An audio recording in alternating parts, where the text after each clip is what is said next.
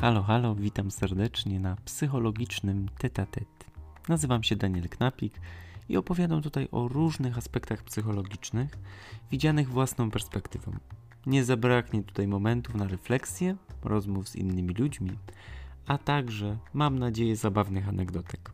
Cieszę się, że do mnie trafiłeś, bądź trafiłaś. Udanego odbioru. Witam Was wszystkich bardzo ciepło i bardzo serdecznie. Razem ze mną jest e, Ania Zalewska, moja koleżanka ze szkoły trenerów, e, która jest trenerem TUSA, która jest pedagogiem i doktorem nauk społecznych, w związku z czym mi bardzo zaimponowała, bo to jest takie moje marzenie, chociaż ja myślę, że mnie to kiedyś może czeka, może nie, nie wiem, życzę tego sobie.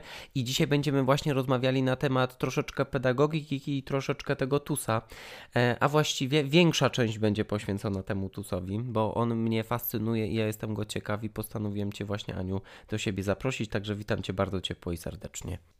Cześć Danielu i witam również wszystkich słuchaczy. Tak ładnie mnie przedstawiłeś. Właśnie przed chwilą tutaj rozmawialiśmy o tym, że ja jestem świeżym doktorem nauk społecznych. Jeszcze nikt mnie tak wcześniej nie przedstawiał, więc jest mi bardzo, bardzo miło. Dziękuję Ci bardzo za zaproszenie. No to tak, zacznijmy od samych podstaw, czyli od tego, czym właściwie jest TUS. Dla kogoś, kto jest w ogóle całkowitym lajkiem, bardzo bym Cię prosił, żebyś rozwinęła ten skrót, dla kogo on jest w ogóle skierowany. E, od tego sobie zacznijmy może. Mhm, jasne. Wiesz co, TUS y, jest skrótem od wyrażenia trening umiejętności społecznych y, i myślę, że najbardziej jest kojarzony z pracą z dziećmi y, w spektrum autyzmu, dlatego że u, u tych dzieci kwestia umiejętności społecznych jest dużym wyzwaniem. Natomiast ja zawsze lubię mówić, że my wszyscy trochę potrzebujemy TUSa. E, TUS generalnie jest taką behawioralną metodą pracy właśnie z umiejętnościami społecznymi e, i taki podstawowy, podstawowy TUS wywodzi się z koncepcji Arnolda Goldsteina, i ten TUS, który dzisiaj znamy, e, taki właśnie najbardziej podstawowy, polega głównie na modelowaniu, czyli e, uczeniu się na podstawie obserwacji innych ludzi. I na takim podstawowym TUSie, e, takim jaki ja poznałam na kursie trenera TUS, odgrywa się scenki. Dobrze jest te scenki nagrywać. Później dostaje się informację zwrotną od trenerów i uczestników. Scenki dotyczą przeróżnych umiejętności społecznych, od takich umiejętności jak y, mówienie dzień dobry, po takie umiejętności jak na przykład jak zachować się w sklepie.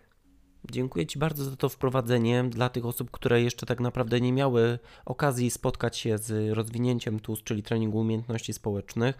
Wiem, e, że to wiąże się z różnymi rodzajami umiejętnościami i dlatego chcę Cię zapytać, z czym najczęściej przychodzą do Ciebie pacjenci? Rodzice często zgłaszają, że no bo ja bym chciał, żeby dziecko pewnie nauczyło się tego i tamtego. I co jest takim najczęstszym, według Twojej jakiejś tam statystyki w głowie oczywiście, e, problemem, z którym przychodzą do Ciebie rodzice? To może ja wspomnę, bo myślę, że to jest y, ważne w kontekście tego pytania, y, że ja pracuję z dziećmi y, i młodą młodzieżą w wieku podstawówkowym, czyli mam grupy takie 1-3 i mam grupy w starszej podstawówce. I najczęściej rodzice zgłaszają się z dwóch powodów. Albo dziecko jest maksymalnie nieśmiałe i z tego powodu nie odnajduje się w grupie rówieśniczej, albo dziecko odwrotnie jest, ma słabe umiejętności samoregulacji, e, na przykład przeszkadza na lekcjach i nauczyciele na to narzekają, albo nie panuje nad swoją złością i rodzicom w domu ciężko jest nad tym zapanować. Więc myślę, że najczęściej są to dwie grupy. Albo y, maksymalnie nieśmiałe dzieci, albo takie, które są nadpobudliwe i w cudzysłowie robię, robię, tutaj, robię tutaj cudzysłów w powietrzu, niegrzeczne dzieci. Okay, to mamy podział tak naprawdę na dwie najbardziej charakterystyczne grupy, które najczęściej do ciebie przychodzą. I ja zastanawiam się, jak wtedy z nimi pracujesz. Jakbyś rozwinęła jedną grupę przynajmniej, albo właśnie tych niegrzecznych w cudzysłowie, albo właśnie tych, którzy są po prostu nieśmiali. E, wiesz co? Mm, Trudno jest mi tak podzielić, myślę, na grupy, bo jak powiedziałeś teraz o tym, że mam rozwinąć którąś z grup, pomyślałam sobie, ale moje grupy są mieszane, ale już okej, okay, e, rozumiem o co chodzi. E, myślę, że opowiem o tych osobach, które e, są, w cudzysłowie oczywiście, niegrzeczne, dlatego że z nimi troszeczkę trudniej się pracuje i też te dzieci są bardziej widoczne. Te dzieci, które są nieśmiałe, nie sprawiają tylu problemów. O nich się martwią rodzice, że na przykład nie mają kolegów, natomiast te dzieci nie sprawiają tak wielu problemów. Problemy sprawiają te dzieci, które ciężko sobie radzą z regulacją swoich emocji i też ze względu na to, że ja pracuję z dziećmi głównie w normie intelektualnej, głównie ze szkół masowych, e, to odeszłam troszeczkę od tej e, głównej koncepcji tusowej, czyli scenek i modelowania, a raczej pracuję e, albo psychoedukacyjnie, albo z tymi dziećmi, które właśnie mają problem z samoregulacją, stawiam na pracę z ciałem, mm, pracę nad umiejętnościami samoregulacji, ale tak naprawdę to myślę, że głównie pracuję nad y, relacją. E, ważnym elementem moich zajęć są też te elementy behawioralne. Ja skończyłam stosowaną analizę zachowania, co szalenie mi pomogło. E, I wprawdzie nie jest tak, że wszystkie moje zajęcia opierają się tylko i wyłącznie na metodach behawioralnych, ale ja do behawioryzmu mam bardzo duży szacunek, e, ponieważ sama taka podstawowa wiedza na temat tego, co dane dziecko wzmacnia, kiedy ono lepiej funkcjonuje, kiedy nie, jak modelować, nie wiem, jakieś cechy środowiska, to ta wiedza daje bardzo dużo w kontekście po pierwsze e, opanowania tych dzieci na zajęciach, bo to nie są zajęcia szkolne, w których, na których siedzimy w ławkach i piszemy, które mają taką, wiesz, super strukturę, tylko to są takie zajęcia bardziej luźne, w związku z czym dzieci, zwłaszcza te, które są żywe i które na przykład bywają nadpobudliwe, ciężko jest ogarnąć. Więc te metody behawioralne mi tutaj pomagają. Podsumowując, pracuję behawioralnie, pracuję psychoedukacyjnie, opieram się tam wtedy na przykład na porozumieniu bez przemocy. Wprowadzam elementy pracy z ciałem, yy, na przykład takie zaczerpnięte z teorii poliwagalnej albo somatic experiencing. Yy, no i do, dodaję do tego szczyptę metod behawioralnych po to, żeby ustalić strukturę, żeby te dzieci ogarnąć i żeby po prostu wiedzieć, co zrobić, żeby lepiej się uczyły. Bardzo wiele tutaj padło takich definicji różnego rodzaju, czy pojęć, e, koncepcji, więc ja właśnie chcę zapytać o te dwie, e, które wymieniłaś pod koniec swojej wypowiedzi, te, które wywodzą się z języka angielskiego, których ja nie powtórzę, bo nie zapamiętałem, przyznaję się, ale chciałbym, żebyś rozwinęła, bo mnie samego to bardzo ciekawi i nie mam takiej wiedzy. E, jasne. Te dwie nazwy to była teoria poliwagalna i somatic experiencing. E, Obydwie służą w sumie chyba do, do pracy z traumą, e, do pracy z ciałem. E, jeśli chodzi o somatic experiencing, to w tym e, tego się dopiero uczę i, i wgłębiam się w tą metodę. Natomiast generalnie chodzi w niej o to, żeby przy pomocy różnych ćwiczeń, na przykład oddechowych, wyzwalać swoje ciało od traum, które zdarzyły nam się wcześniej. No podstawą tej koncepcji jest to, że nasze ciało pamięta, czyli traumy, które nawet mamy nieuświadomione, e, są gdzieś zapisane w naszym ciele.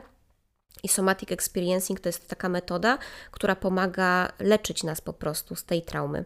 E, natomiast teoria poliwagalna już jest mi troszeczkę bardziej znana, dlatego że korzystałam z niej w przypadku mojej pracy doktorskiej. E, to jest teoria stworzona przez Stevena Porgesa, i zakłada, że ewolucyjnie e, mamy predyspozycję do tego, żeby reagować na zagrożenie na dwa sposoby. E, albo e, taką mobilizacją, i tutaj mamy tryb walki lub ucieczki, albo jeżeli mobilizacja nie zadziała, czyli walczyć nie możemy, nie mamy gdzie uciekać, to odcięciem. I jakby trzecim elementem tej całości jest stan bezpieczny, czyli w tej koncepcji zostało to przedstawione w formie takiej drabiny, gdzie na górze mamy stan bezpieczny, później mamy stan mobilizacji, na samym dole mamy stan zamrożenia. I chodzi generalnie o to, żeby nauczyć się rozpoznawać różne czynniki w środowisku, które wywołują w nas popadanie w ten stan zagrożenia, żeby odkryć, co sprawia, że yy, potrafimy pozostać w stanie bezpiecznym i po prostu dążyć do tego. E, koncepcja jest bardzo ciekawa i bardzo przydatna w pracy nie tylko z innymi osobami, ale też ze sobą, bo y, my dzisiaj żyjemy w świecie, który dostarcza nam olbrzymiej ilości bodźców, i dzisiejszy świat jest nie do końca adekwatny do tych naszych reakcji, dlatego że one ewolucyjnie zostały stworzone po to, żeby nas uchronić przed zagrożeniem życia, no nie, przed, nie wiem, drapieżnikami na przykład. E, natomiast dzisiaj jest tak, że e, różne elementy rzeczywistości, której doświadczamy, e, wpędzają nas na przykład w stan mobilizacji. W przypadku dzieci to może być kartkówka w szkole albo niemiły nauczyciel. To są takie, takie rzeczy, z którymi ja mam doświadczenie. Um, więc moja praca w ramach teorii poliwagalnej polega na tym, żeby układ nerwowy dzieci e, był w stanie tolerować więcej bodźców, czyli żeby dzieci się nie uruchamiały na byle co, że tak powiem, a potem jeżeli już się uruchomią, to żeby potrafiły wrócić do tego stanu bezpiecznego. Bo w tej koncepcji generalnie chodzi o to, że nasz autonomiczny układ nerwowy odbiera sygnały z otoczenia, ale odbiera też sygnały od innych ludzi. To się nazywa koregulacją, czyli regulujemy się w kontakcie z innymi ludźmi. E, więc e, to, co nas otacza, wpływa na to, jak nasz autonomiczny układ nerwowy poza naszą świadomością reaguje, no i on może nam uruchomić e, właśnie mm, albo tą reakcję mobilizacji, albo reakcję odcięcia. No i odcięcie może być dwojakie. Odcięcie mamy takie, że mdlejemy na przykład ze strachu w sytuacji ekstremalnej, ale odcięciem też jest dysocjacja, czyli takie odcięcie się od, e, od emocji. No nie? Powiem Ci szczerze, że wyprzedziłaś właśnie moje pytanie właśnie dotyczące tego, w jaki sposób właśnie pomagać dzieciom z traumą, z radzeniem sobie takim emocjonalnym. No i nas tutaj już wprowadziłaś poprzez te dwie, dwie nie wiem, nie chcę spaścić, ale chyba teorie.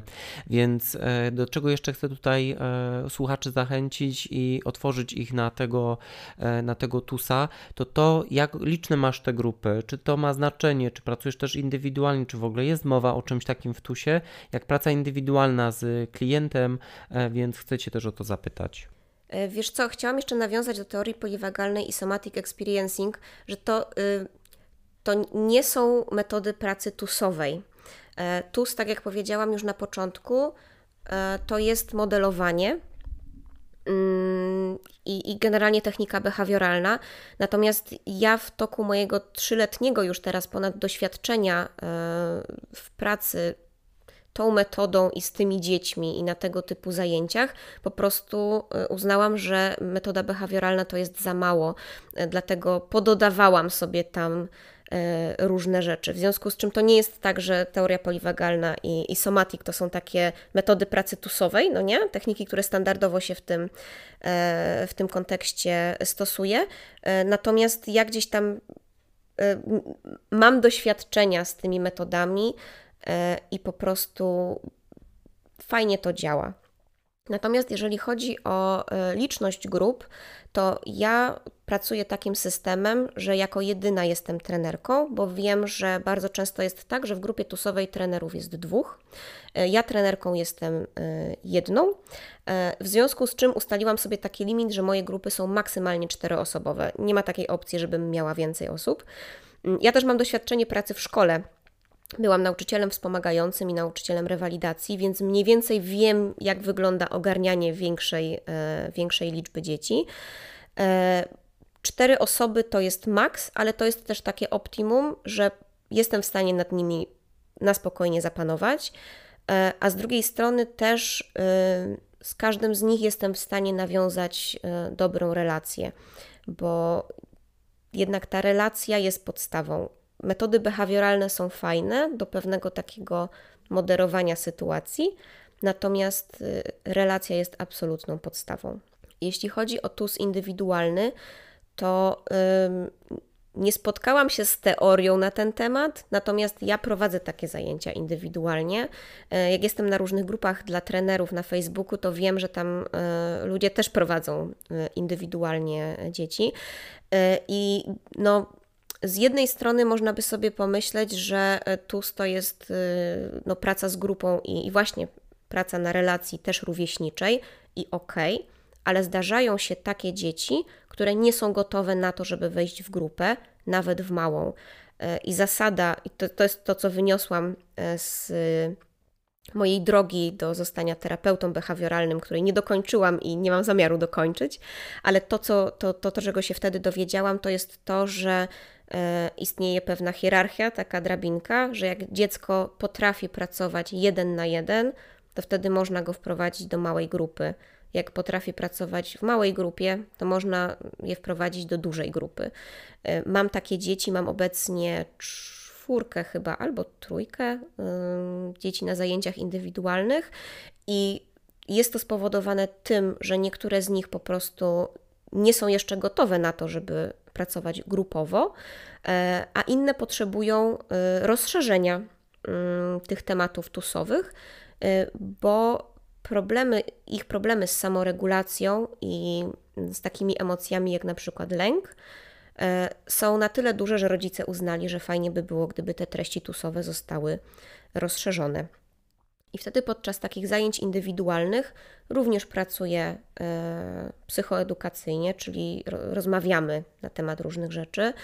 E, takie indywidualne zajęcia pozwalają też na przerabianie ich tematów, to znaczy nie jakichś tematów ogólnych, tylko takich, które są dostosowane konkretnie do ich życia, że rozmawiamy o konkretnych sytuacjach, które wydarzyły się czy w szkole, czy w domu, e, czy wśród rówieśników.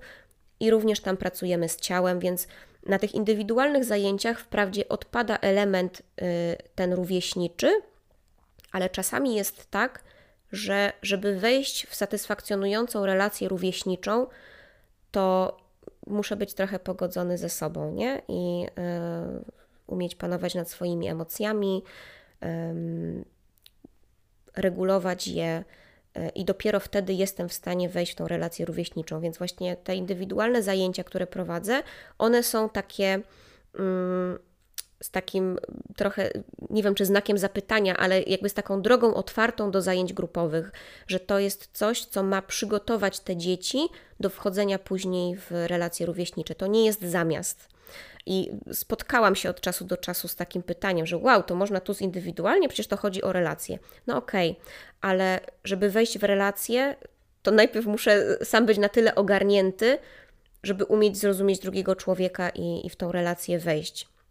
Więc ja uznaję, że, y, że indywidualny TUS istnieje przerabiam podobne treści na zajęciach grupowych i indywidualnych, z tym, że na indywidualnych po prostu e, odpada ten element relacji rówieśniczej jak tak o tym opowiadasz, to rzeczywiście mnie do tego przekonujesz, bo ja też słuchałem takiego webinaru dotyczącego właśnie TUSA i tam właśnie zachęcali do tego, żeby to właśnie była taka grupa, bo tak jak sama to określiłaś, tu jest budowanie tej relacji.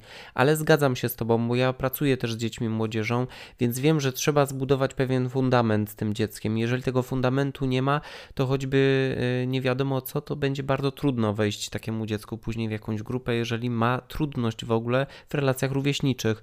Dlatego to jest jest takie ważne i rzeczywiście chyba jest mi blisko do tego, co ty mówisz. Natomiast zastanawiam się, bo mówisz, że sama też prowadzisz tego TUSA i zastanawiam się, czy masz jakieś, czy spotkałeś się z jakimiś wyzwaniami dotyczącymi e, właśnie takiej struktury pracy, że jesteś sama, mówiłaś, że dajesz radę i to jest takie wow, ale zastanawiam się, czy miałeś taki moment kryzysu i jak sobie z nim poradziłaś, bo to jest dla mnie takie ciekawe, że nie tylko mówimy o tym, co jest super, ale właśnie też jakby to dobrze ująć, takie style radzenia sobie właśnie z tym, tym, z takimi sytuacjami trudnymi. Mam tutaj też na myśli to, żeby Ci może troszeczkę ułatwić pytanie, co robisz na przykład właśnie wtedy, kiedy masz grupę czteroosobową i nagle właśnie dwie, trzy osoby się wykruszają, bo jest choroba, wyjazd, cokolwiek, co powoduje, że grupa staje się mniej liczna po prostu. Czy to Ci jakoś zaburza Twój rytm pracy? E, wiesz co, jeżeli dzieci się wykruszają, bo są chore albo wyjeżdżają, e, to po prostu odwołuję zajęcia. Nie, nie prowadzę zajęcia dla jednej osoby z grupy.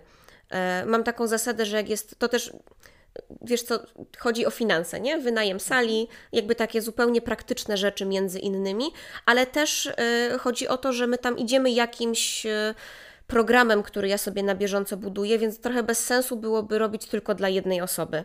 Czasem jest tak, że jak dwie osoby się wykruszą, a dwie będą, to ja robię te zajęcia, czasem pomijając na przykład jakieś ważne rzeczy czekam, aż pojawią się wszyscy, a w tym czasie robimy coś innego. Jakby równie, również przydatnego, ale po prostu nieskupionego na takim, na takim głównym temacie. Mm, natomiast jeśli chodzi o trudności, to powiem Ci, że y, one oczywiście występują i to występują często, ale nie wiem, czy one są związane z tym, że jestem sama. Nie wydaje mi się, że gdyby był y, drugi trener, to te trudności by nie występowały. Mm, bo czasami faktycznie jest tak, że grupę jest ciężko ogarnąć, i z mojego doświadczenia wynika, że może to wynikać z tego, e, że nie mam jeszcze nawiązanej relacji z grupą. To, co odkryłam w tym roku, kiedy e, od września ilość grup mi się zwiększyła, odkryłam, że zupełnie inaczej pracuje mi się z grupami, które, z którymi znam się już 3 lata, a zupełnie inaczej pracuje mi się z grupami, które są dla mnie zupełnie nowe. Że ta relacja zbudowana między nami e, robi coś takiego, że łatwiej jest wpływać na dzieci, e, łatwiej jest budować takie wzajemne porozumienie i szacunek. Natomiast w grupach, które, z którymi znam się dopiero od niedawna, to, to mam takie grupy, w których musiałam wprowadzić taką no, konkretną strukturę behawioralną, taki e, wiesz, system motywacyjny, bo bez relacji e, żadne moje proszenie o, o, o nie wiem, branie udziału w ćwiczeniu czy coś nic nic nie dawało. E, I w kontekście właśnie tego drugiego trenera, ja się obawiam, że nawet obecność drugiej osoby dorosłej mogłaby w tych relacjach bardziej namieszać, że, że wtedy mogłoby być nawet trudniej mm, tą relację nawiązać i, i, i stworzyć taką spójność e, w tej naszej grupie. A jeśli chodzi o radzenie sobie, to tutaj na ratunek przychodzą metody behawioralne, przychodzą e, wzmocnienia, e, przychodzi moderowanie środowiska, przychodzą systemy motywacyjne. E, I ja w tej chwili mam taki system motywacyjny tylko w niektórych grupach, w tych, nad którymi właśnie ciężko było zapanować, ale ten system za, zafunkcjonował fantastycznie. Polega on na tym, że ja moje zajęcia prowadzę według e, takich sześciu punktów. E, zaczynamy od kręgu powitalnego, później mamy jedno ćwiczenie, drugie ćwiczenie, przerwę, trzecie ćwiczenie e, i krąg pożegnalny. I na początku dzieci dostają taką karteczkę, gdzie jest podzielone na krąg, trzy ćwiczenia, krąg. I za każdy element mogą dostać pieczątkę. Pieczątki są wymieniane na nagrody.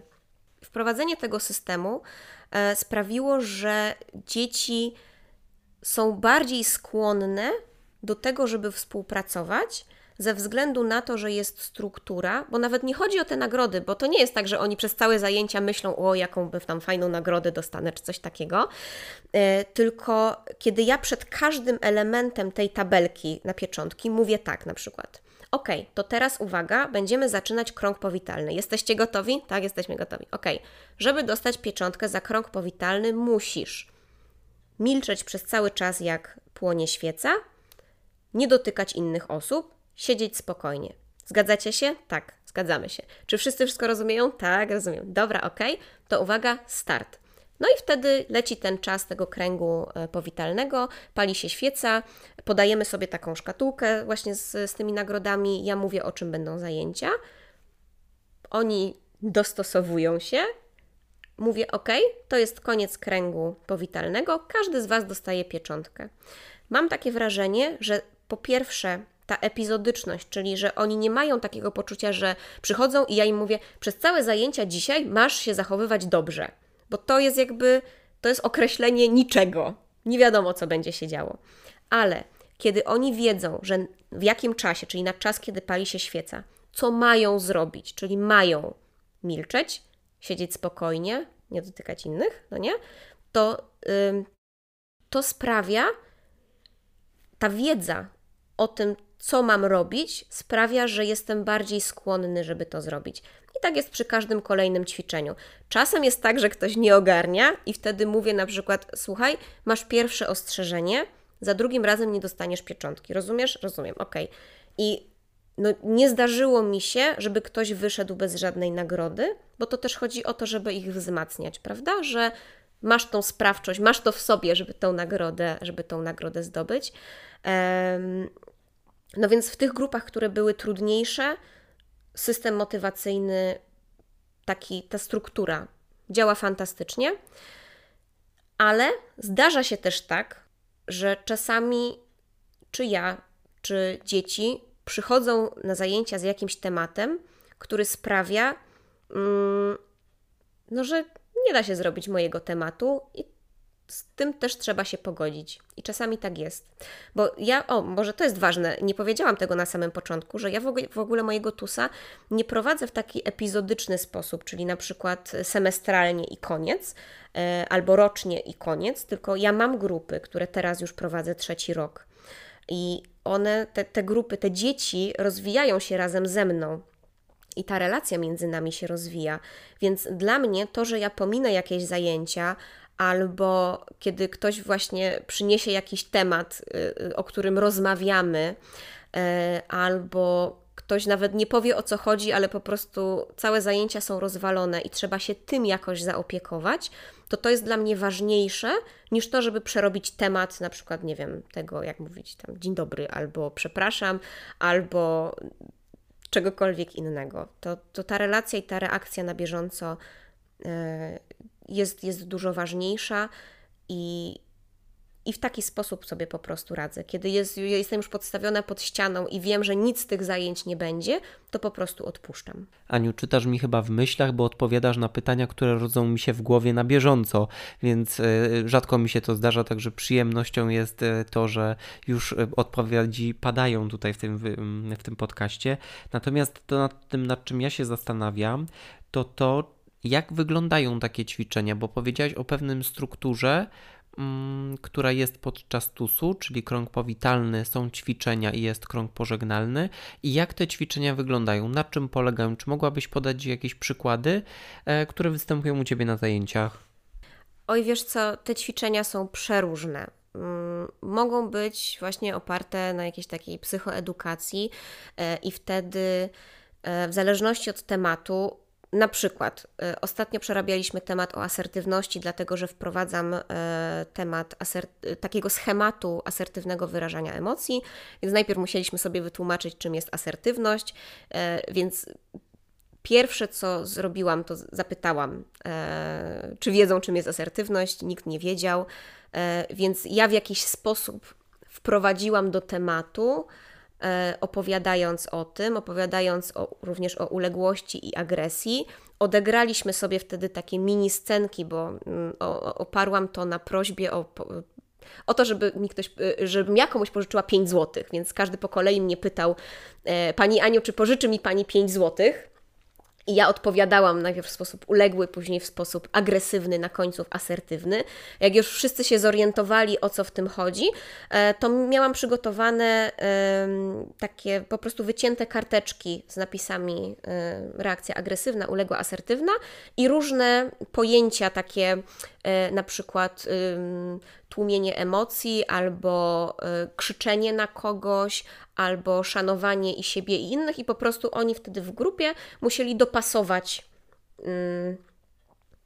co jest asertywne, co jest uległe, co jest e, agresywne, więc są tego typu ćwiczenia. E, są ćwiczenia, teraz mi akurat przyszło do głowy takie ćwiczenie z pracy z ciałem, z czuciem własnego ciała e, polegające na przykład na pisaniu komuś na plecach, czyli dobieramy się w pary i jedna osoba coś rysuje albo pisze drugiej na plecach, no i trzeba zgadywać, nie? Więc tego typu ćwiczenia są. Um, no są, są naprawdę przeróżne w zależności od, y, od tematu. Fajnie, że te ćwiczenia są różnorodne, bo każde dziecko czy nastolatek, który do ciebie przyjdzie, może znaleźć coś po prostu dla siebie i to jest e, bardzo ok. Tak jak mówisz, z jednej strony odgrywanie scenek, z drugiej strony pisanie coś na plecach, z trzeciej jeszcze kolejne możliwości, które się tutaj jawią.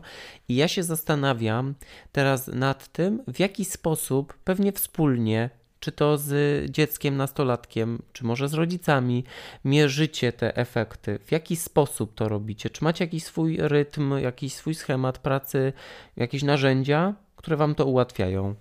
E, tak, to jeśli chodzi o ewaluację, to nie jest taka prosta sprawa. E, tym bardziej nie jest prosta, e, kiedy nie pracujesz tylko behawioralnie, tylko pracujesz również innymi metodami. Przyjmuje się, że właśnie korzystając z Goldsteina, korzysta się z takiej ankiety, z takiego kwestionariusza ankiety, który jest w trzech wersjach dla dziecka, dla nauczyciela i dla rodzica.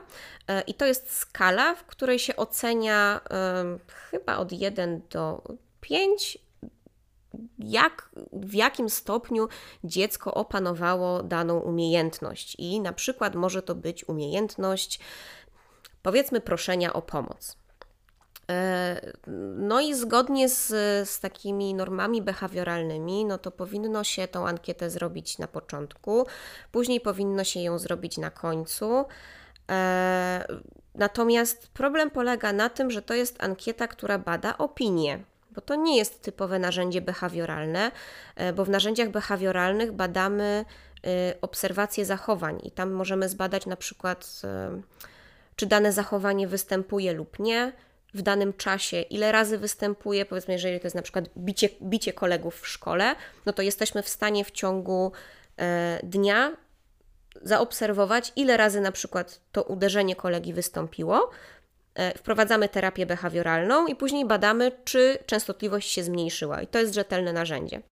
Natomiast e, ta ankieta zaproponowana w podręczniku Goldsteina e, no nie jest narzędziem behawioralnym, jest narzędziem do badania opinii.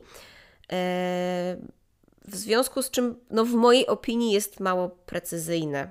Jest też czasochłonne w wypełnianiu, i ja wybrnęłam z tego w taki sposób, że przerobiłam sobie tą ankietę, w ogóle zrobiłam ją elektronicznie, żeby, żeby też rodzicom było wygodniej, żeby od razu mi, żebym widziała od razu wyniki, jak to się rozkłada w grupie. E, przesyłam rodzicom taką ankietę. Oni tam wyrażają swoją opinię na temat tego, nad którymi zachowaniami jego zdaniem rodzica e, należy w tym roku e, pracować, czy jakby nad którymi umiejętnościami społecznymi, o może tak, E, w tym roku należy z dzieckiem pracować.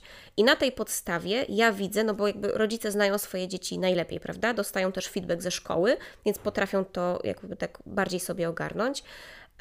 I na tej podstawie ja mam wtedy jakąś bazę. Do tej bazy opinii rodzica i wywiadu oczywiście z rodzicem, który zawsze, to jest normalne, że przeprowadza się na początku, po to też, żeby dobrać odpowiednio dzieci do, do grup. I na tej bazie ja sobie później też dzieci w trakcie zajęć oczywiście obserwuję, więc wtedy mam taki troszeczkę pełniejszy obraz tego, nad którymi umiejętnościami społecznymi w danej grupie czy u danego dziecka pracować. I na półrocze czeka mnie to e, w ferie piszę e, takie krótkie e, opinie, taki feedback dla rodziców. W poprzednich latach robiłam tak, że taki feedback dawałam co miesiąc, ale nie sprawdzało mi się to, dlatego że bywały dzieci, które na przykład w danym miesiącu były chore i były tylko raz, albo były tylko dwa razy, ale raz były na zajęciach z grami. Każde pierwsze zajęcia w miesiącu to są zajęcia takie integrujące grupę i wtedy jemy sobie przekąski i gramy wspólnie w gry. Po prostu dobrze się bawimy i to też bardzo pozytywnie wpływa na, na, na relacje w grupie, co przekłada się również później na pracę w tej grupie. E, więc zdarzało się tak, że na przykład dziecko było tylko na zajęciach z grami i później na jednym temacie i właściwie raz w miesiącu później ciężko było mi wymyślić, co ja mam w tym feedbacku napisać.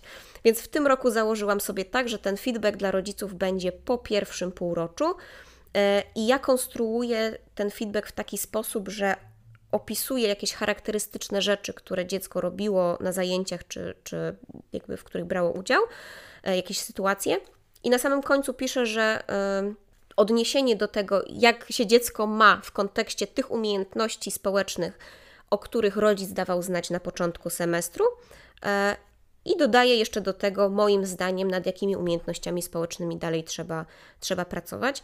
Więc y, ogólnie odpowiadając, Danielu, na Twoje pytanie, to ewaluacja jest głównie obserwacyjna. Jest, jest, jest to obserwacja moja i jest to obserwacja rodziców, dlatego że relacja czy dobre samopoczucie to są takie rzeczy, których nie jesteśmy w stanie zbadać ilościowo, prawda? To można zbadać obserwując dziecko, że na przykład um, kiedyś, kiedyś się zezłościło, to tłukło szklanki, a dzisiaj, kiedy się zezłości, to tupie nogą i krzyczy do mamy, że jest zezłoszczone. To jest ta różnica. Natomiast nie jesteśmy tego w stanie monitorować ilościowo. Więc ten, ten temat ewaluacji, ponieważ ja generalnie jestem człowiekiem tabelką i, i ja bardzo lubię liczby podsumowania i konkrety, to dla mnie było trudne pogodzenie się z tym, że tutaj nie jestem w stanie tego dokładnie zbadać i czasami sama miałam wątpliwości e, co do rzetelności swoich działań. W takim sensie, że, że wiesz, jeżeli nie da się czegoś zbadać liczbowo, to czy to na pewno istnieje? Ale no, kurczę, istnieje. Po prostu trzeba się pogodzić z tym, że, że ta ewaluacja jest bardziej miękka, jest bardziej e, polegająca na obserwacji, e, na odczuwaniu, na dostrzeganiu relacji między mną a dzieckiem, czy rodzicami a dzieckiem, czy obserwowaniu relacji rówieśniczych. Tak, ja się z Tobą całkowicie zgadzam, bo ja na przykład w świetlicy, w której pracuję raz na rok, muszę pisać też takie plany pracy z dzieckiem, moje obserwacje, z czym sobie lepiej radzi, z czym trudniej, więc troszeczkę mi jest bliżej do tego, co Ty mówisz, że tego się nie da tak naprawdę jakoś tak liczbowo, choć ja też jestem taki człowiek tabelka, też bardzo lubię porządek i w pracy to wiedzą, e, ale no to jest to jest niesamowita trudność, dla mnie przynajmniej, żeby, żeby tego dziecka i tego rodzica nie skrzywdzić, ale ja nie wiem, ja mam taką praktykę też, że ja często na przykład lubię z tym dzieckiem na ten temat porozmawiać, jak ono w ogóle czuje, czy ono rzeczywiście też y, ma świadomość tego, nad czym pracowało, czy widzi też pewien progres. Nie wiem, czy jest też tak u Ciebie, to jest pytanie numer jeden, czy to dziecko też bierzesz pod uwagę podczas tego całego procesu ewaluacyjnego, a drugie właśnie, jak jest dobierana ta grupa, czy na podstawie właśnie tego, co ci rodzice zaznaczą w tej tabelce, czy masz jakiś swój inny system? Bo wiem, że też są różne metody pracy. E, jasne, e, oczywiście, że biorę dziecko pod uwagę, zwłaszcza, że jak zaczynamy TUS, e, w szczególności z dziećmi, które są nowe w tym, to ja zaczynam od tego, że pytam się, czy to dziecko wie, co tu w ogóle robi i co to są za zajęcia i dlaczego ono tutaj jest.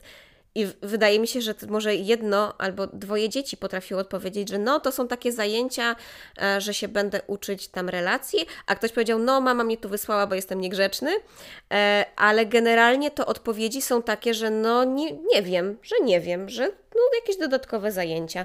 Więc zaczynamy od tego, że ja im tłumaczę, co to jest TUS, co to są umiejętności społeczne, że te umiejętności społeczne są różne, że umiejętnością społeczną jest umiejętność nawiązywania relacji z innymi, ale też e, regulowania swoich emocji i że generalnie TUS to są takie zajęcia, na których się uczymy, jak to zrobić, żeby nam dobrze żyło się z innymi, a innym żyło się dobrze z nami. No bo gdybyśmy się za każdym razem, jak się złościmy, to bili ludzi, no to średnio by te relacje wyglądały, nie?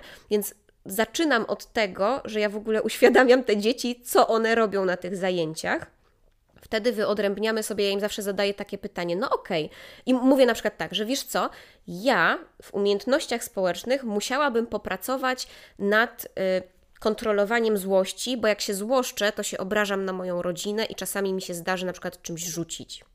A ty jak myślisz, z czym masz problem w tych umiejętnościach społecznych? No i te dzieci sobie wtedy określają, no nie? Że często jest tak, że mówią, no, że ja też nie, nie panuję nad emocjami, no nie? A ktoś na przykład mówi, wstydzę się kolegów albo tam różnych rzeczy. No więc zaczynamy od tego, że te dzieci tak trochę sobie dookreślają, co one w ogóle tutaj robią, czego się będą uczyć i tak dalej. No i jakby później w toku zajęć podlega to jakiejś kontroli, rozmawiamy o tym, no nie?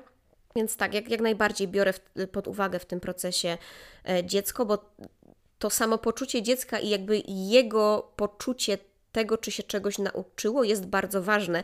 I bardzo mnie chwyciło za serce, jak któregoś razu mm, dziewczynka, która w tym roku dopiero jest, ona jest w szóstej klasie i dopiero w tym roku jest u mnie na tusie, w rozmowie z chłopcem, który powiedział, że no, on się tutaj nudzi, e, on by tutaj chciał tylko grać albo coś takiego i w ogóle na co mi to? A ona powiedziała, że te zajęcia są bardzo potrzebne, że ona już wykorzystuje w praktyce to, czego się dowiedziała. Więc to było takie, o kurczę, wow, dobra, spoko, jest, jest dobrze, jest dobrze. No, także to jeśli chodzi o, y, o, o tą ewaluację w przypadku dzieci. Pytałeś też, Danielu, o dobór do grup. I to jest jakby po ewaluacji, to jest dla mnie drugi temat hardcore, e, dlatego że teorie doboru do grup tusowych są różne. A ja mam wrażenie, że ja się posługuję jeszcze taką w ogóle inną. Ja jestem chyba trochę, e, wiesz, tak trochę jolo e, w, w tym doborze grup, dlatego że z mojego doświadczenia wynika, że, że nigdy nic nie wiadomo. Bo bywało, że dobierałam grupy stricte pod kątem tego, żeby, żeby wy, wyzwania, z jakimi zmagają się dzieci, były podobne, czyli nieśmiali do nieśmiałych, nadpobudliwi do nadpobudliwych. Było tak. E, I wtedy problem jest taki, że jak mamy tą grupę nieśmiałych, to na przykład oni potrafią się w ogóle nie odzywać, nie?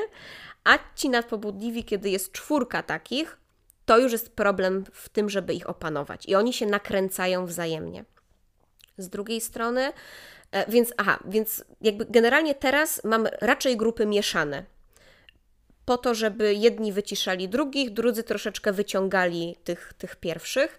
Natomiast faktem jest, że to, nawet jak porozmawiam o dziecku z rodzicem, nawet jak poznam to dziecko osobiście, jeden na jeden, nawet jak rodzic wy, wypełni mi ankietę, to to wszystko może być zupełnie nieadekwatne do tego, jak to dziecko zafunkcjonuje w grupie.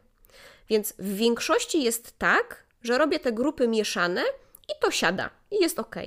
Ale zdarzały mi się takie przypadki, że dziecko pomimo doboru zgodnego z wiekiem i z wyzwaniami, po prostu okazywało się, że na przykład jest jakoś, ma jakąś taką super dojrzałość, że w, z innymi dziećmi w 1-3 w ogóle w tej grupie źle to grało. Więc ja jestem zwolenniczką tego, żeby robić te wywiady, e, poznawać te dzieci, dobierać raczej w sposób mieszany, biorąc tam pod uwagę na przykład zainteresowania czy jakieś umiejętności, ale też trzeba wziąć pod uwagę to, zwłaszcza w tych grupach e, długotrwałych, bo też wyobrażam sobie, że inaczej jest, jak mamy grupy, które trwają na przykład 6 tygodni, no to wtedy nie ma tego czasu, żeby się dograć, więc wtedy dobieramy konkretnie, behawioralnie pod kątem tych umiejętności, których mają się uczyć i do widzenia. Natomiast w przypadku, kiedy ja prowadzę grupy po 3 lata, to tam mniejsze znaczenie ma to, żeby oni pracowali nad wspólnymi umiejętnościami, bo i tak w ciągu roku przerobimy bardzo dużo różnych, a większe znaczenie ma to, żeby po prostu ta grupa była spójna.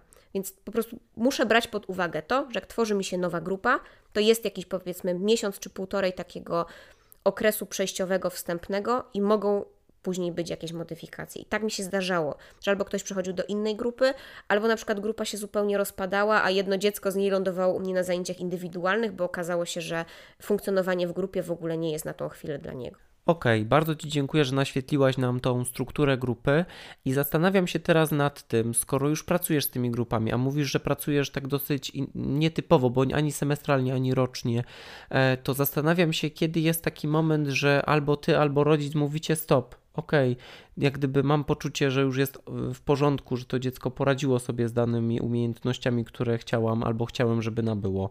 Jak to jest w Twoim wypadku, Aniu? Jak to wygląda?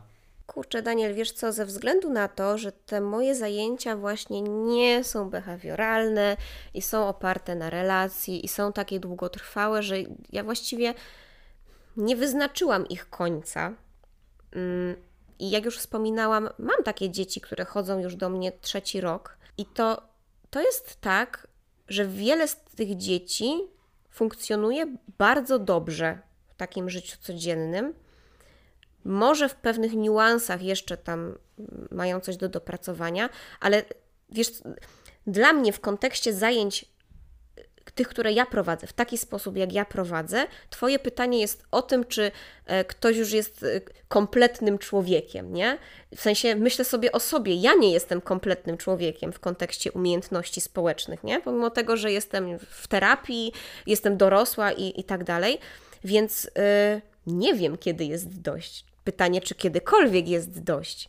No i to jest tak, że to rodzic decyduje, czy chce wysyłać dziecko na moje zajęcia, czy nie.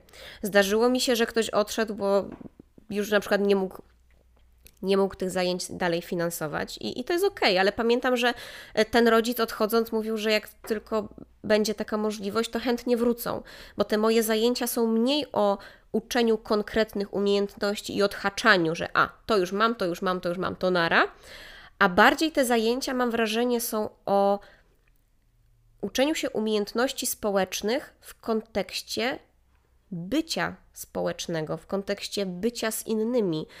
I to jest też trochę o tym, że bardzo wiele tych dzieci, w szczególności tych problemowych, tych, które mają problemy z samoregulacją, które sprawiają problemy w domu czy w szkole, to te dzieci często mogą u mnie na zajęciach pierwszy raz doświadczyć dobrej relacji z obcym dorosłym, innym niż rodzic, i dobrej relacji z rówieśnikami. Zdarza się, że to są dzieci, które są odrzucone, które są gdzieś tam na marginesie klasowym i miałam taką sytuację jakiś czas temu, że rozmawiałam z chłopcem, który opowiadał mi o konfliktowej sytuacji, w której brał udział w szkole i ja mu powiedziałam, że no nie jestem w stanie mu bardziej pomóc, kiedy nie jestem tam nauczycielem i powiedziałam: "Słuchaj, idź do nauczyciela, któremu ufasz i poproś go, żeby pomógł ci w rozwiązywaniu, w rozwiązaniu konfliktu. A ten chłopak na mnie spojrzał powiedział: Ale ja nie mam takiego nauczyciela, któremu ufam. I kurczę, mam wrażenie, że ten mój tus jest bardziej o tym, bo my też rozwijamy różne umiejętności społeczne, ale nie w takim kontekście zero-jedynkowym, mierzalnym ilościowo, e, behawioralnym, tylko te moje zajęcia są bardziej o byciu, o towarzyszeniu, o rozmowie, o byciu dla tych dzieci, o doświadczaniu przez te dzieci relacji. To też jest trochę modelowanie, kiedy one obserwują mnie, w jaki sposób ja sobie radzę w relacjach z nimi, w jaki sposób ja sobie radzę z tym, że mnie złoszczą, z tym, że, że ja się na nie złoszczę, e, z tym, że ja czegoś nie ogarniam, że jest mi z czymś trudno. I jak ja dźwigam różne wyzwania w relacji na przykład z nimi, no nie? Dla mnie moje zajęcia są bardziej o tym, więc pytanie, kiedy koniec? Nigdy. Rozwijajmy się na zawsze. Może być tak, że w pewnym momencie z jakiegoś powodu, bo dziecko będzie miało, nie wiem, inne zajęcia pozalekcyjne, bo właśnie będzie brak pieniędzy czy brak czasu, przestanie chodzić na, na moje zajęcia. I to jest ok, ale będzie miało tą bazę, nie tylko te takie wyćwiczone umiejętności, ale, ale tą bazę, a póki może, to współpracujmy dalej. I ja nie zdarzyło mi się, żebym usłyszała od e, jakiegoś rodzica, że właśnie, że już dość, że no, moje dziecko jest kompletne, gotowe do tego, żeby iść w świat, bo nie istnieje coś takiego, no nie? Każdy z nas rozwija się przez całe życie. Mm, I ja mam takie poczucie, że mój TUS jest takim dobrym wzmocnieniem, takim dobrym towarzyszeniem. Mm, takim jak, wiesz, y, osoby dorosłe chodzą na różne kręgi, nie? Na zajęcia rozwojowe, e, w różne miejsca, żeby spotykać się z ludźmi, którzy ich inspirują i od których się uczą i chcą się rozwijać. I dla mnie mój TUS, czyli to, w jaki sposób ja uczę umiejętności społecznych, jest bardziej o tym, jest bardziej takie rozwojowe. Okej, okay. ja się jeszcze tak zastanawiam tak naprawdę nad tym, że w internecie czy w mediach społecznościowych znajduję bardzo dużo narzędzi. Że skorzystaj z tego, to ci ułatwi pracę z tym, albo wykorzystaj to, to jest najlepsze narzędzie. I ja bardzo nie lubię, że ktoś pisze właśnie, że to jest najlepsze narzędzie. Kto, co sprawdziłeś wszystkie? Tak sobie zadaję takie pytanie i zastanawiam się nad tym, jakimi ty narzędziami operujesz w swojej pracy. Czy możesz nam to sprzedać, że tak powiem w cudzysłowie? E, no to tak, u mnie podstawą jest świeca, szkatułka z nagrodami, to są takie gadżety jakieś małe, które kupuję, jakieś tam gumki do gumowania, naklejki takie rzeczy. Kiedyś było tak, że maty na podłogę i koce, teraz się przesiedliśmy do stolika, więc, więc już nie. E, mam taki pojemnik, który zawsze ze sobą wożę i tam mam materiały plastyczne. E, zawsze jakąś małą grę typu Uno, żeby na przerwie można było zagrać. Mm. I właściwie to, to tyle, bo jeżeli pytasz o takie narzędzia, które można znaleźć w internecie e, na zasadzie kartka, długopis, tak? To nie umiem podać czegoś jednego najlepszego. Korzystam z tego, co akurat znajdę, kiedy przerabiam dany temat, czyli na przykład o asertywności, no to szukam w Google'ach różnych rzeczy e, o asertywności. E, często jest tak, że korzystam z różnych narzędzi proponowanych ter do terapii osób dorosłych, jak na przykład w kontekście teorii poliwagalnej. Korzystam z publikacji Stevena Porgesa i z książek Deb Dany e, i w jakiś sposób modyfikuję ćwiczenia w taki sposób, żeby dostosować je, e, je do dzieci. Korzystam z podręczników e, do NVC, czyli porozumienia bez przemocy. Mam parę książek, y, jakichś takich ćwiczeniowych o emocjach, natomiast to jest wszystko do modyfikacji, do dostosowania. E, często jest tak, że wymyślam ja sama jakieś ćwiczenie, które wyda mi się ok. O teraz sobie pomyślałam, że też robiliśmy takie ćwiczenie na zajęciach z pracy z ciałem, które ja osobiście uwielbiam.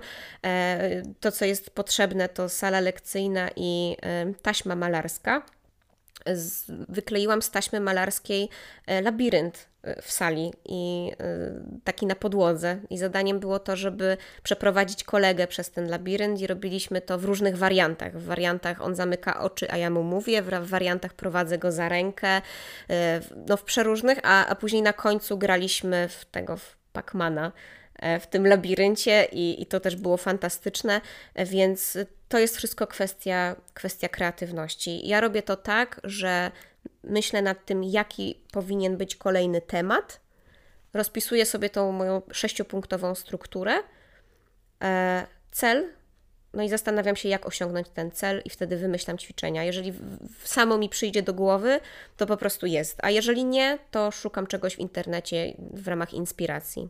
Okej, okay, Aniu, bardzo Ci dziękuję za to, że podzieliłaś się tutaj swoimi takimi e, tipami, swoimi wskazówkami, z których ty na co dzień korzystasz. Jest to trochę inna wizja tego TUS-u, który ja znam, który ja teraz kończyłem pod koniec roku też, ale ta rozmowa z tobą jest dla mnie takim fundamentem do tego, że poukładało mi się trochę w głowie tych rzeczy, które były dla mnie chaosem podczas szkolenia, e, bo byłem akurat miałem taką możliwość korzystania z tego online, więc to troszeczkę mi utrudniło kontakt z osobami prowadzącymi, bo dużo było tych pytań.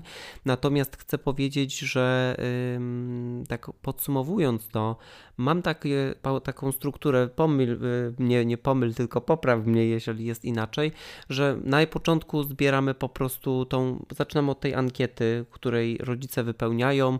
Mamy tutaj taką strukturę tych umiejętności Goldsteina. E, oni to uzupełniają, ty potem dobierasz to w zależności od swojego kontekstu e, i później, kiedy już jest ta możliwość, spotykasz się z tymi e, dziećmi, pracujecie, zapoznajecie się ze sobą czy wcześniej jeszcze coś innego było, może ja zapomniałem, to mi zaraz dopowiesz. E, I później jak gdyby zaczyna się ten już proces powolutku, ta integracja, konkretny plan działania, czyli mamy tutaj tą świecę, która jest na środku takim fajnym elementem, na przykład ja o tym nie wiedziałem i to jest taka inspiracja dla mnie, którą ja zabieram.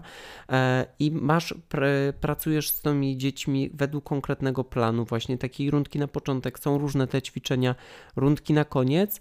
E, i jak gdyby nie ma tutaj takiego momentu, kiedy ktoś powie e, stop w Twoim przypadku, w Twoim tusie, bo te charakterystyczne są albo semestralne, albo roczne. E, ok, i to jak gdyby zabieram dla siebie. E, I wiem, że są też różne style pracy, i ty nie, nie pracujesz też w jednym konkretnym nurcie, tylko to sobie wybierasz to, co akurat jest potrzebne i idziesz za tymi potrzebami tych dzieci. To mi się też bardzo spodobało. I semestralnie robisz też takie podsumowania, dokładnie. Więc to jest też takie fajne, że ten rodzic ma takie feedbacki e, i chyba też między wierszami, ja nie wiem czy w podcaście, czy podczas naszej, naszej rozmowy powiedziałeś, że jeszcze wysyłasz taki plan do rodziców, żeby oni mieli poczucie tego, e, nad czym konkretnie dzisiaj nasz, moje dziecko będzie pracowało. I to jest też takie fajne, bo rodzic ma świadomość tego, co się konkretnie wydarzy. Wiadomo, no, e, życie jest takie, że czasami sytuacja losowa sprowadzi nas ku temu, że to się zmieni, ale mimo wszystko ja myślę, że do tego tego e, trzeba podejść szczerze, no to jest po prostu życie. Nie przewidzimy wszystkiego i nie mamy na te wszystkie rzeczy wpływu. Także Aniu, ja jestem Ci bardzo, bardzo, ale to bardzo wdzięczny za to, że mi to tak po prostu pomogłaś uporządkować, bo tak jak mówię, ja miałem wewnętrzny chaos, a słuchaczom też myślę to dało e, taki ogląd, e, ogląd, pogląd, wizję tego, jak ten TUS po prostu może wyglądać. Także bardzo Ci dziękuję. E, cieszę się, że pomogłam Ci jakoś uporządkować Twój chaos. Bałam się, że będzie odwrotnie, dlatego że ja mam świadomość, że podeszłam do tych zajęć tusowych trochę niekonwencjonalnie. Mam jednak takie poczucie, że i dla, tych, i dla tego tusa behawioralnego, i dla tego tusa niebehawioralnego e, jest na świecie miejsce. Uważam jednak, że ważne jest to, żeby mieć świadomość tych podstaw. No nie? Ja wiem skąd się TUS wziął, e, znam jego podstawy teoretyczne i w świadomy sposób od nich odeszłam. I myślę, że to jest ważne. E, natomiast e, nie neguję absolutnie tusa behawioralnego, bo to też wszystko zależy, hmm, wiesz, to jest tak jak z psychoterapią. Mamy psychoterapię gestalt, poznawczo-behawioralną na przykład, psychodynamiczną e, i pewnie wiele jeszcze innych nurtów i odłamów i po prostu w zależności od tego, nad czym chcemy pracować i w jaki sposób to robić i jaki nurt nam odpowiada, to po prostu tam idziemy. I to nie znaczy, że któryś z nurtów jest lepszy albo gorszy, tylko po prostu wybieramy taki, który jest bardziej dopasowany do nas. Więc ja z pełną świadomością i premedytacją odchodzę od takiego czysto behawioralnego tusa i od modelowania, e, dodając do tego coś więcej od siebie. I zdarzyło mi się, że jakiś rodzic po dwóch miesiącach powiedział, że nie widzi efektów i, i że odchodzi, i to jest ok. Dałam wtedy temu rodzicowi E, namiary na takiego, na tusa właśnie stricte behawioralnego, gdzie prawdopodobnie zobaczy efekty dużo szybciej. I, i, i to jest w porządku. Po prostu biorę pod uwagę to, że um, no, różne podejścia mogą pasować różnym osobom. Ja prowadzę zajęcia tak, jak ja to czuję. I no, mam trochę tych grup, więc wyobrażam sobie, że, że nie tylko ja to czuję.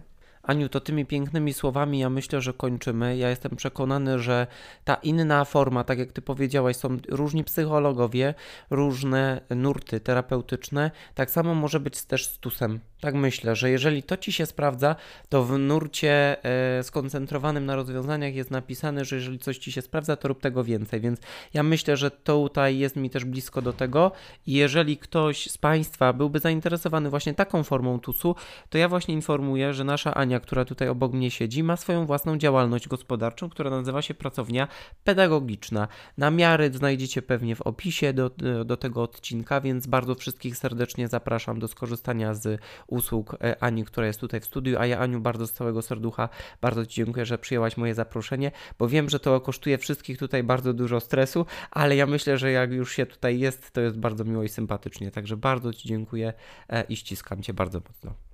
Ojejku, ja również bardzo, bardzo dziękuję za zaproszenie. Było mi bardzo miło w ogóle. Danielu, jak mnie zapraszałeś, to powiedziałeś, no wiesz, bo nagrywam taki podcast i tam zapraszam inspirujących ludzi, to może przyjdziesz. I ja miałam takie, wow, okej. Okay.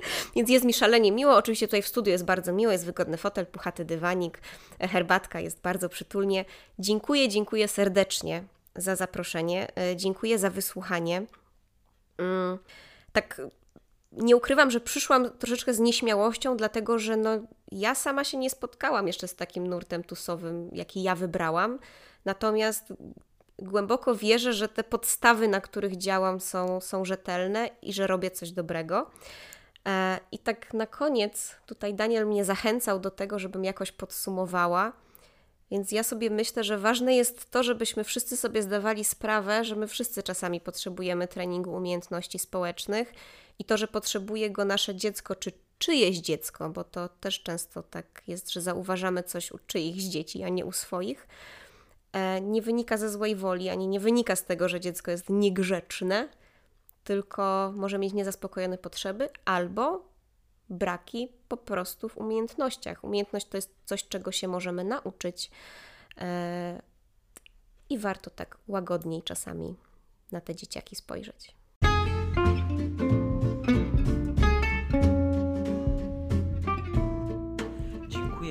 Bardzo serdecznie za wysłuchanie tego odcinka. Dajcie koniecznie znać, co o tym odcinku myślicie, jakie macie swoje spostrzeżenia, sugestie, o czym chcielibyście w ogóle posłuchać. Bardzo na Was liczę i pamiętajcie, z psychologicznym tete-tet widzimy więcej.